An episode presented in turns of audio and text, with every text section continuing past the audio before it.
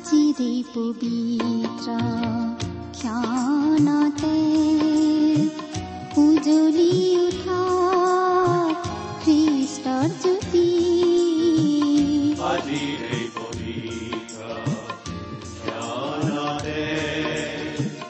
উজলি উঠা খ্ৰীষ্টৰ জ্যোতি আকাশ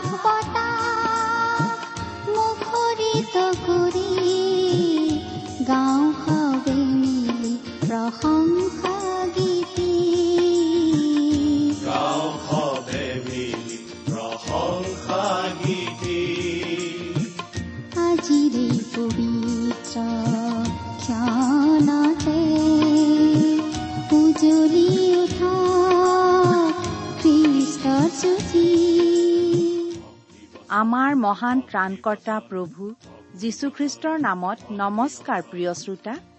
এয়া মুকলি কৰিবলৈ লৈছো বাইবেল অধ্যয়নৰ ধাৰাবাহিক অসমীয়া অনুষ্ঠান ভক্তি বচন।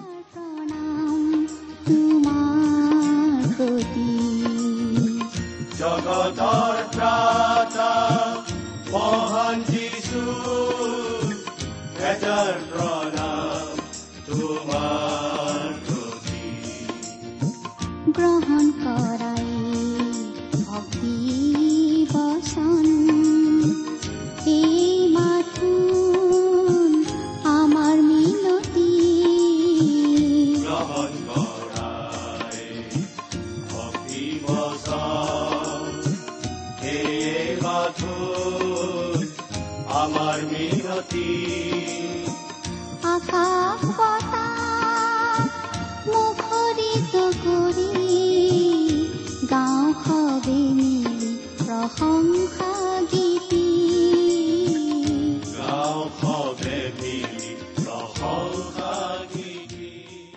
পৰিত্ৰাতা যীশুখ্ৰীষ্টৰ নামত নমস্কাৰ প্ৰিয় শ্ৰোতা আপোনালোকৰ মংগল নিশ্চয়। আপোনালোকে আমাৰ অনুষ্ঠান ভক্তিবচন শুনি থাকে নিশ্চয়।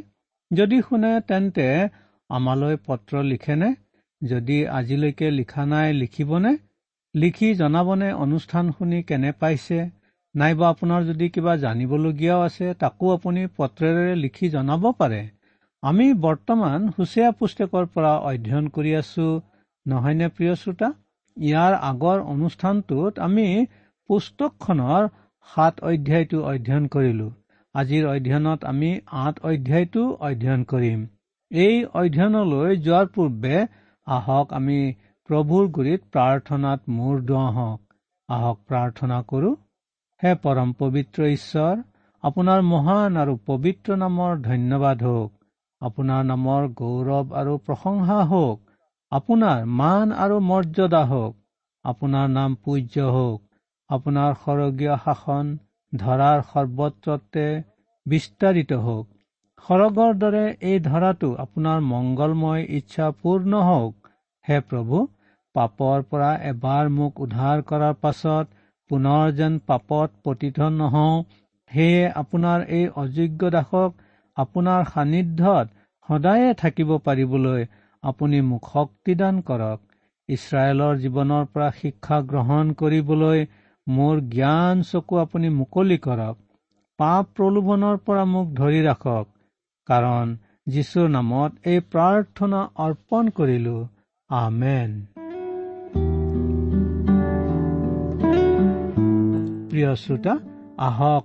আজিৰ আমাৰ আলোচনাৰ শাস্ত্ৰাংশ হুচেয়া আঠ অধ্যায় এক পদৰ পৰা চৈধ্য পদলৈকে পাঠ কৰো হওক। বাইবেল থকা শ্ৰোতাসকলে অনুগ্ৰহ কৰি বাইবেলৰ নশ পঁচাশী আকৌ নশ ছিয়াশী পৃষ্ঠা উলিয়াই চাওক। যিসকলৰ হাতত বাইবেল নাই অনুগ্ৰহ কৰি মনোযোগেৰে শুনি যাওক।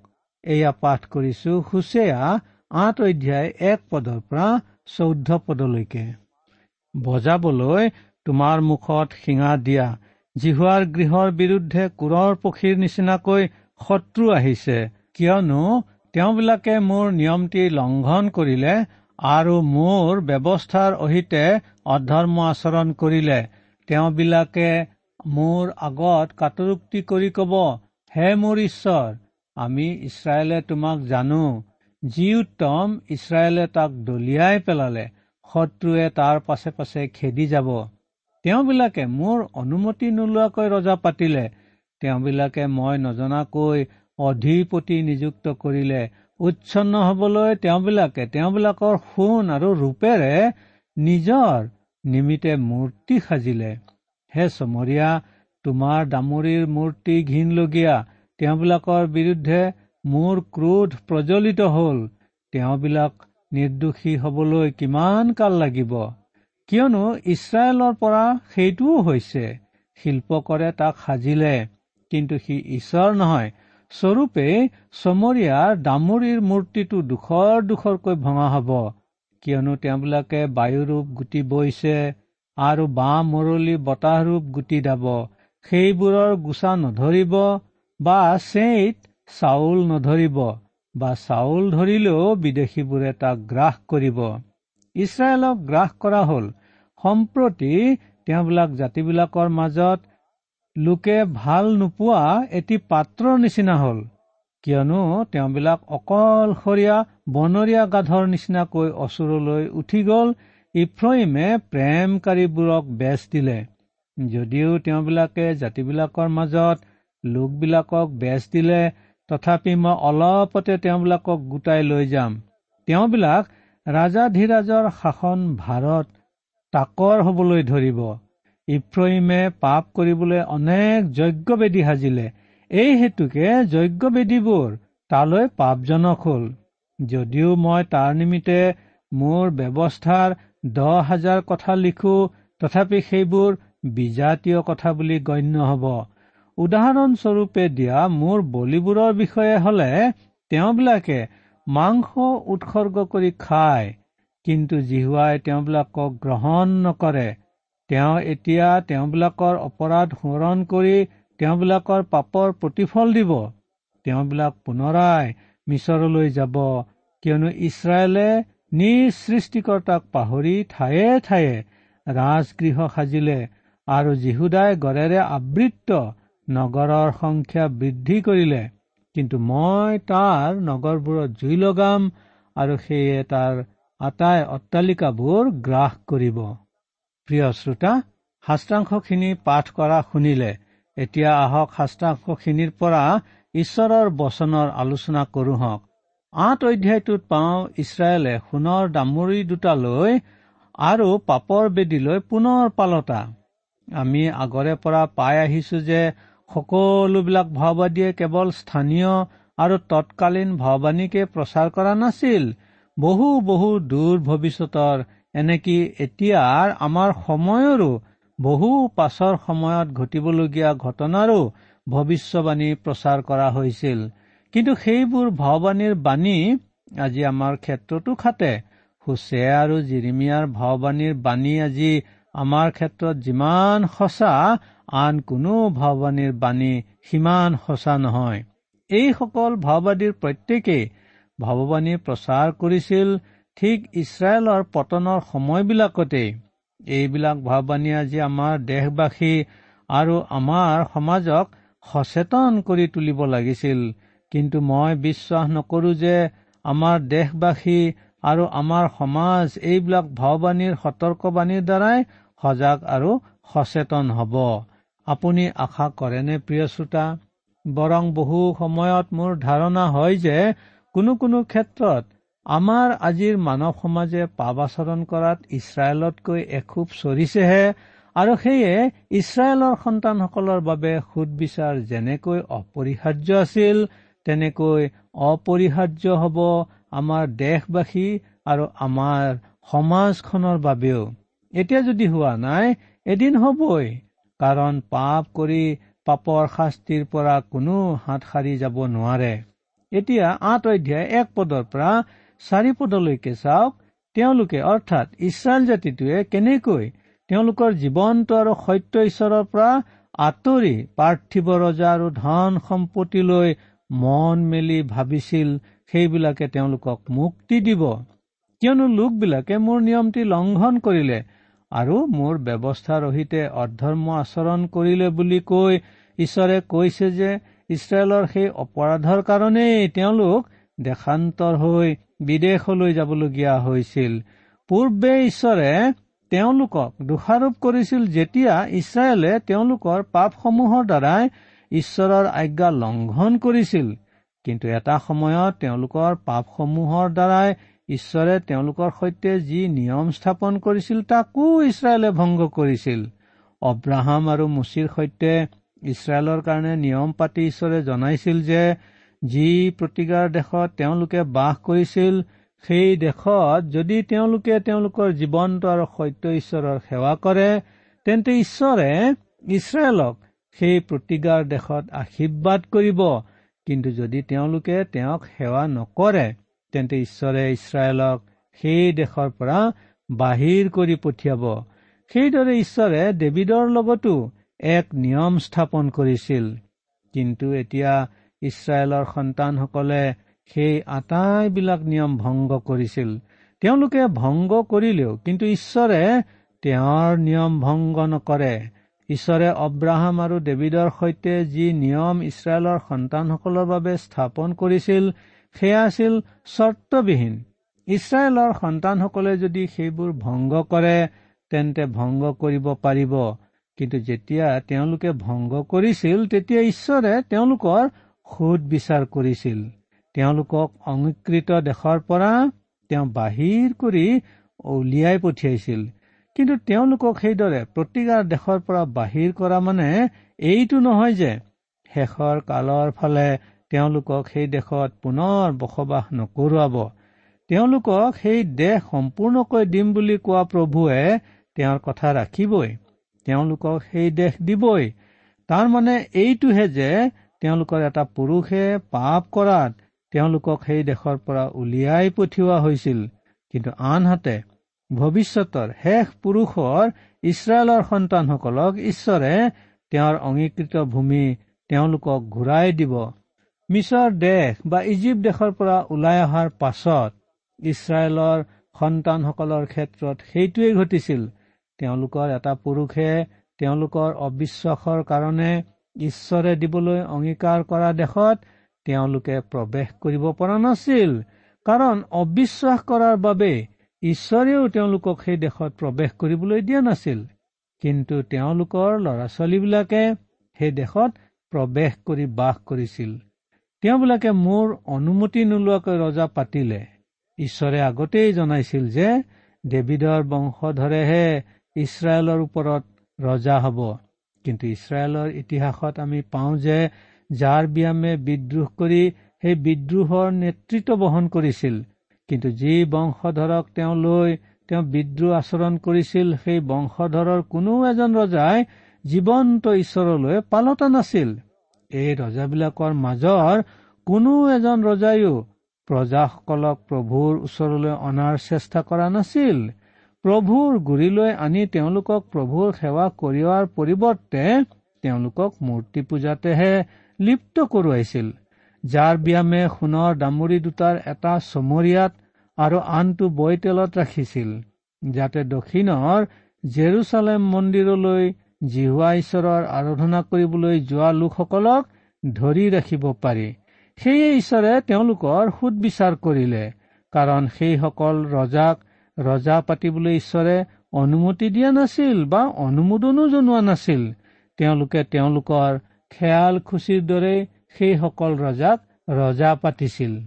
পাঁচ পদৰ তেওঁবিলাক নিৰ্দোষী হবলৈ কিমান কাল লাগিব? মানে তেওঁলোক অভ্যাগতভাৱে অনবৰতেই দোষী আছিল। তেওঁলোকে অনবৰতেই পাপ আচৰণ কৰিছিল। তেওঁলোক কোনো প্ৰকাৰে কেতিয়াও নিৰ্দোষী নাছিল। হে চমৰীয়া তোমাৰ দামুৰীৰ মূৰ্তি ঘীনলগীয়া। আহাবৰ দেউতাক উমৰি ৰজাই চমৰীয়াখনক ইছৰাইলৰ ৰাজধানী পাতিছিল। আহাব ৰজাই ইজেবলক বিয়া কৰোৱাইছিল আৰু ইজেবলৰ দেউতাক আছিল চিদুনৰ বাল দেৱতা পূজা কৰা লোকসকলৰ এগৰাকী পুৰোহিত। সেয়ে ইজেবলে কেইবাশ বাল দেৱতাৰ ভাওবাদী চিদুনৰ পৰা ইছৰাইলৰ মাজলৈ আমদানি কৰিছিল তাৰ ফলত বহু ইছৰাইলৰ লোক বাল দেৱতাৰ পূজা কৰিছিল। সেইকাৰণে তেওঁলোকৰ বিৰুদ্ধে ঈশ্বৰৰ খং প্ৰজ্বলিত হৈছিল। চমৰীয়াক মৰিশালীত পৰিণত কৰোৱাইছিল। চমৰীয়া আজিও পৰিত্যক্ত ঠাই। কিন্তু পৰ্বতে সুন্দৰ সুন্দৰ গৃহৰে সৈতে চমৰীয়া অতি সুন্দৰ নগৰ আছিল। ঈশ্বৰে চমৰীয়াৰ ওপৰত সুদবিচাৰ কৰিছিল। ছয় পদত দামৰিটো সমোলঞ্চে অৰ্থাৎ কোনো চিন চাপ নোহোৱাকৈ নষ্ট কৰাৰ কথা ঈশ্বৰে কৈছে। কোনেও নাজানে কলৈ কোনে কেতিয়া সেই সোণৰ দামৰিটো লৈ গ'ল। খনন কাৰ্য কৰা পাকৈতসকলেও কয় যে চমৰীয়াত খনন কাৰ্য চলাওঁতে তেওঁলোকে সেই সোণৰ দামৰিটো বিচাৰি পোৱা নাই। হয়তো সেইটো টুকুৰা টুকুৰকৈ ভাঙি পেলাই দিয়া হৈছে। নাইবা এইটোও সম্ভৱ হ'ব পাৰে যে কোনোবাই জ্বলাই গলাই পেলাইছে। তাকে কৰি ঈশ্বৰে ইছৰাইল জাতিটোক কৈছিল তোমালোকে সেই দামৰিটো পূজা কৰিবলৈকে মোৰ পৰা আঁতৰি গৈছা। কিন্তু এই কথা তোমালোকে জানিবা যে ই ঈশ্বৰ নহয় আৰু ই তোমালোকক বিন্দুটোৰ মানুহ সহায় কৰিব নোৱাৰে। সাত পদত আকালৰ কালত আকালৰ দ্বাৰাই আৰু আকাল নোহোৱাৰ দিনতো শত্ৰুৰ দ্বাৰাই ঈশ্বৰে তেওঁলোকৰ ওপৰত সুদ বিচাৰ লোৱাৰ কথা ঘোষণা কৰিছে। আঠ পদত ইছৰাইলক গ্ৰাস কৰা হল বুলি কৈ ঈশ্বৰৰ ইছৰাইলৰ দহ ফৈদৰ কিবা অস্তিত্ব আজি আপুনি জানেনে প্ৰিয় শ্ৰোতা? কলৈ গ'ল তেওঁলোক? হ'ব পাৰে যে দেশান্তৰৰ পৰা উভতি অহাৰ পাছত তেওঁলোক যীহুদাৰ বংশধৰৰ লগতে মিলি গৈ পৃথক পৰিচয় নোহোৱা হৈ পৰিল। সম্প্ৰতি তেওঁবিলাক জাতিবিলাকৰ মাজত লোকে ভাল নোপোৱা এটি পাত্ৰৰ নিচিনা হ'ল।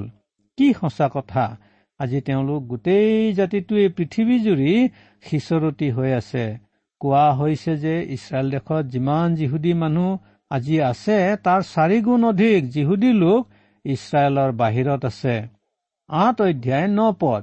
এই পদটোত এটা বিশেষ ঘটনাৰ কথা কোৱা হৈছে।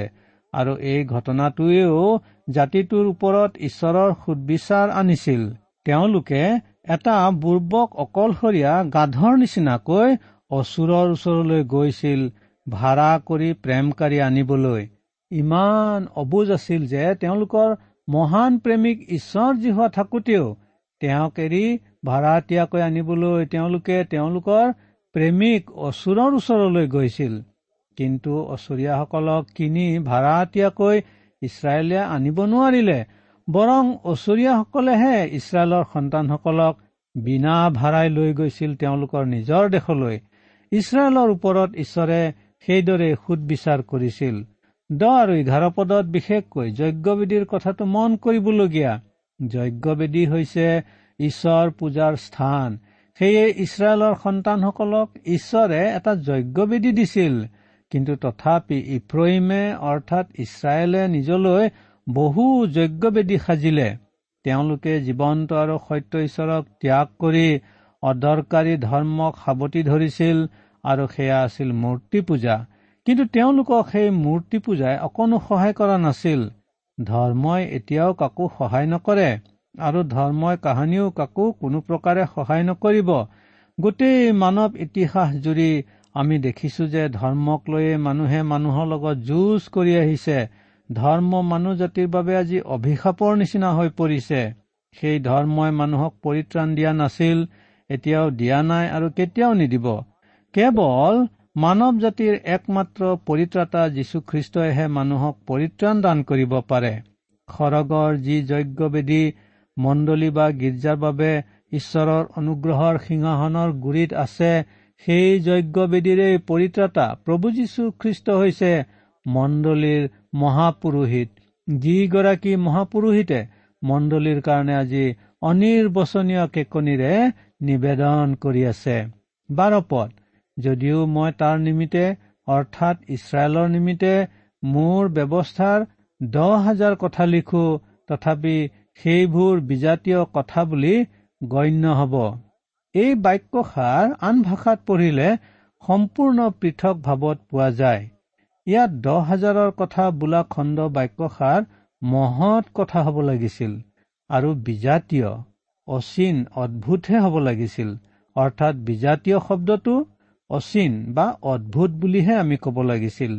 আন কথাত আন দেৱতাৰ পূজা কৰি কৰি মস্তিষ্ক শোধন হোৱা এই ইছৰাইল জাতিটোৰ বাবে ঈশ্বৰে তেওঁৰ ব্যৱস্থা বা তেওঁৰ বচনত যি যি মহৎ কথা লিখি থৈছে সেইবোৰ তেওঁলোকৰ বাবে অদ্ভুত বিধৰ হৈ পৰিছিল।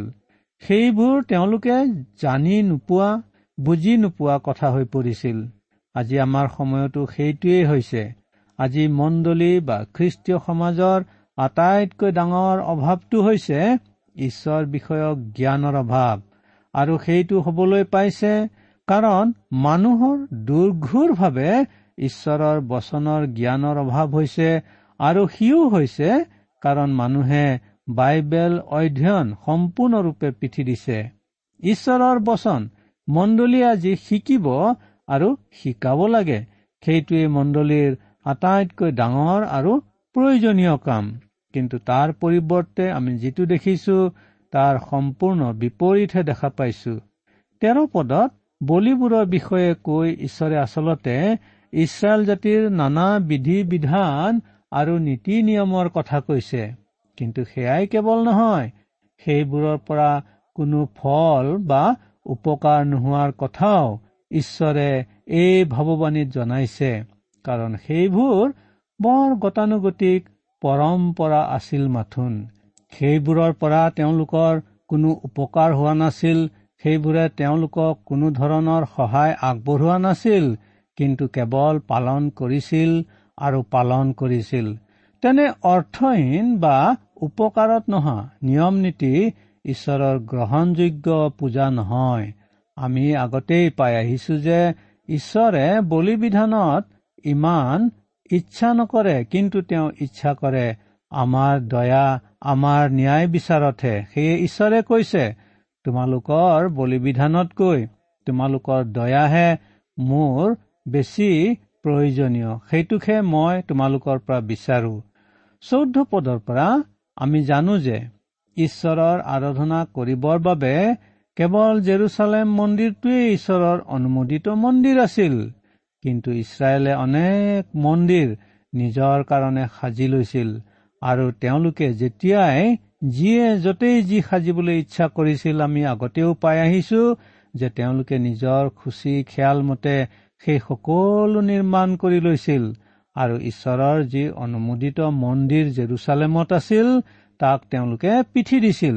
কিন্তু ইছৰাইলে অনেক মন্দিৰ সাজিছিল আৰু আন দেৱতাৰ পূজা কৰিছিল আৰু তেওঁলোকে তাকে কৰিবলৈ সেইবোৰ সাজিছিল। আন কথাত ঈশ্বৰক তেওঁলোকে পিঠি দিছিল। সেইদৰে জীহুদাও ঈশ্বৰত বিশ্বাস নাৰাখি দেৱালেৰে ঘেৰা নগৰবোৰ অধিক নিৰাপদ বুলি ভাবিছিল। সেয়ে জীহুদাও ঈশ্বৰৰ ৰোষত পৰিছে।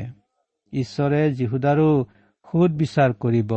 ঈশ্বৰত নিৰ্ভৰ নকৰা অপৰাধটোৰ অপৰাধত নপৰো যেন আমি তাৰে সতৰ্ক বাণী আজি আমাকো শুনোৱা হৈছে। হে প্ৰিয় শ্ৰোতা এই সকলো বাণী কেৱল যে ইছৰাইলৰ কাৰণেই দিয়া হৈছে কেৱল যে যিহুদী জাতিটোৰ কাৰণেই দিয়া হৈছে এনে নহয় কিন্তু এইবিলাকৰ যোগেদি ঈশ্বৰে আমাকো আজি সাৱধান বাণী শুনাইছে যাতে আমি তেওঁৰ ৰোষত নপৰি তেওঁৰ লগতে থাকিব পাৰো আৰু তেওঁৰ সান্নিধ্যত থাকি তেওঁৰ সেৱা আৰু তেওঁৰ পূজা কৰিব পাৰো। তাৰেই সতৰ্কবাণী আমিও হুচিয়াৰ যোগেদি শুনিছো। আমি সতৰ্কিত হওঁ হওক আৰু সতৰ্ক হ'বলৈ ঈশ্বৰে আপোনাক মোক আটাইকে জ্ঞান দান কৰক। এয়েই আমাৰ ঈশ্বৰৰ গুৰিত প্ৰাৰ্থনা। আজিলৈ আমি সামৰিছো। ঈশ্বৰে আপোনাক আশীৰ্বাদ কৰক আৰু ঈশ্বৰে আপোনাৰ সাৰথী হৈ আপোনাক চলাওক। নমস্কাৰ।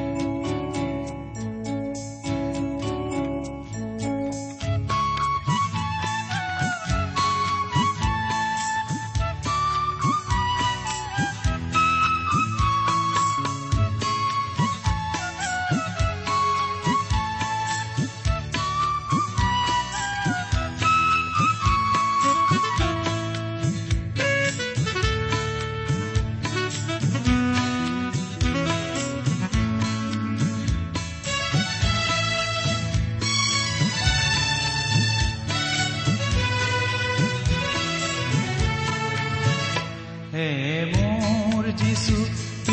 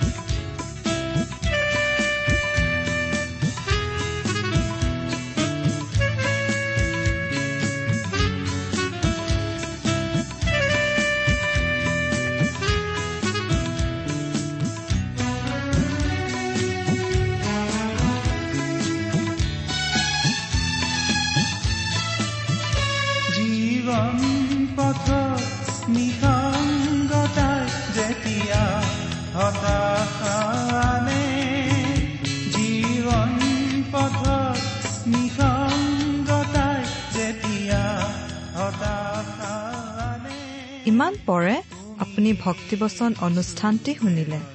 অনুষ্ঠানটি শুনি কেনে পালে আমালৈ চিঠি লিখি জনাবচোন। অনুষ্ঠানত প্ৰচাৰ কৰা কোনো কথা বুজিব লগা থাকিলেও আমালৈ লিখক। আমাৰ ঠিকনা ভক্তিবচন টি ডাব্লিউ আৰ ইণ্ডিয়া ডাক পাকচ নম্বৰ সাত শূন্য গুৱাহাটী সাত আঠ এক শূন্য শূন্য এক। ঠিকনাটো আৰু এবাৰ কৈছো। ভক্তিবচন টি ডাব্লিউ আৰ ইণ্ডিয়া ডাক পাকচ নম্বৰ সাত শূন্য গুৱাহাটী সাত আঠ এক শূন্য শূন্য এক। আপুনি ইমেইল যোগেৰেও আমাৰ সৈতে যোগাযোগ কৰিব পাৰে। আমাৰ ইমেইল আইডিটো হৈছে Assamese T TV at radio' eight eight two dot com. আইডিটো আকৌ এবাৰ কৈছো। Assamese T TV at radio' eight eight two dot com. আপুনি টেলিফোনৰ মাধ্যমেৰেও আমাক যোগাযোগ কৰিব পাৰে। আমাৰ টেলিফোন নম্বৰটো হৈছে শূন্য তিনি ছয় এক দুই ছয় শূন্য চাৰি ছয় সাত এক। ফোন নম্বৰটো আকৌ এবাৰ কৈছো zero' three six one two six zero' four six seven one. আজিৰ অনুষ্ঠানটি ইমানতেই সামৰিছো। ঈশ্বৰৰ শান্তি আৰু অনুগ্ৰহ আপোনাৰ লগত থাকক। ধন্যবাদ। সাগৰ তুমিয়ে সাধনা জীৱন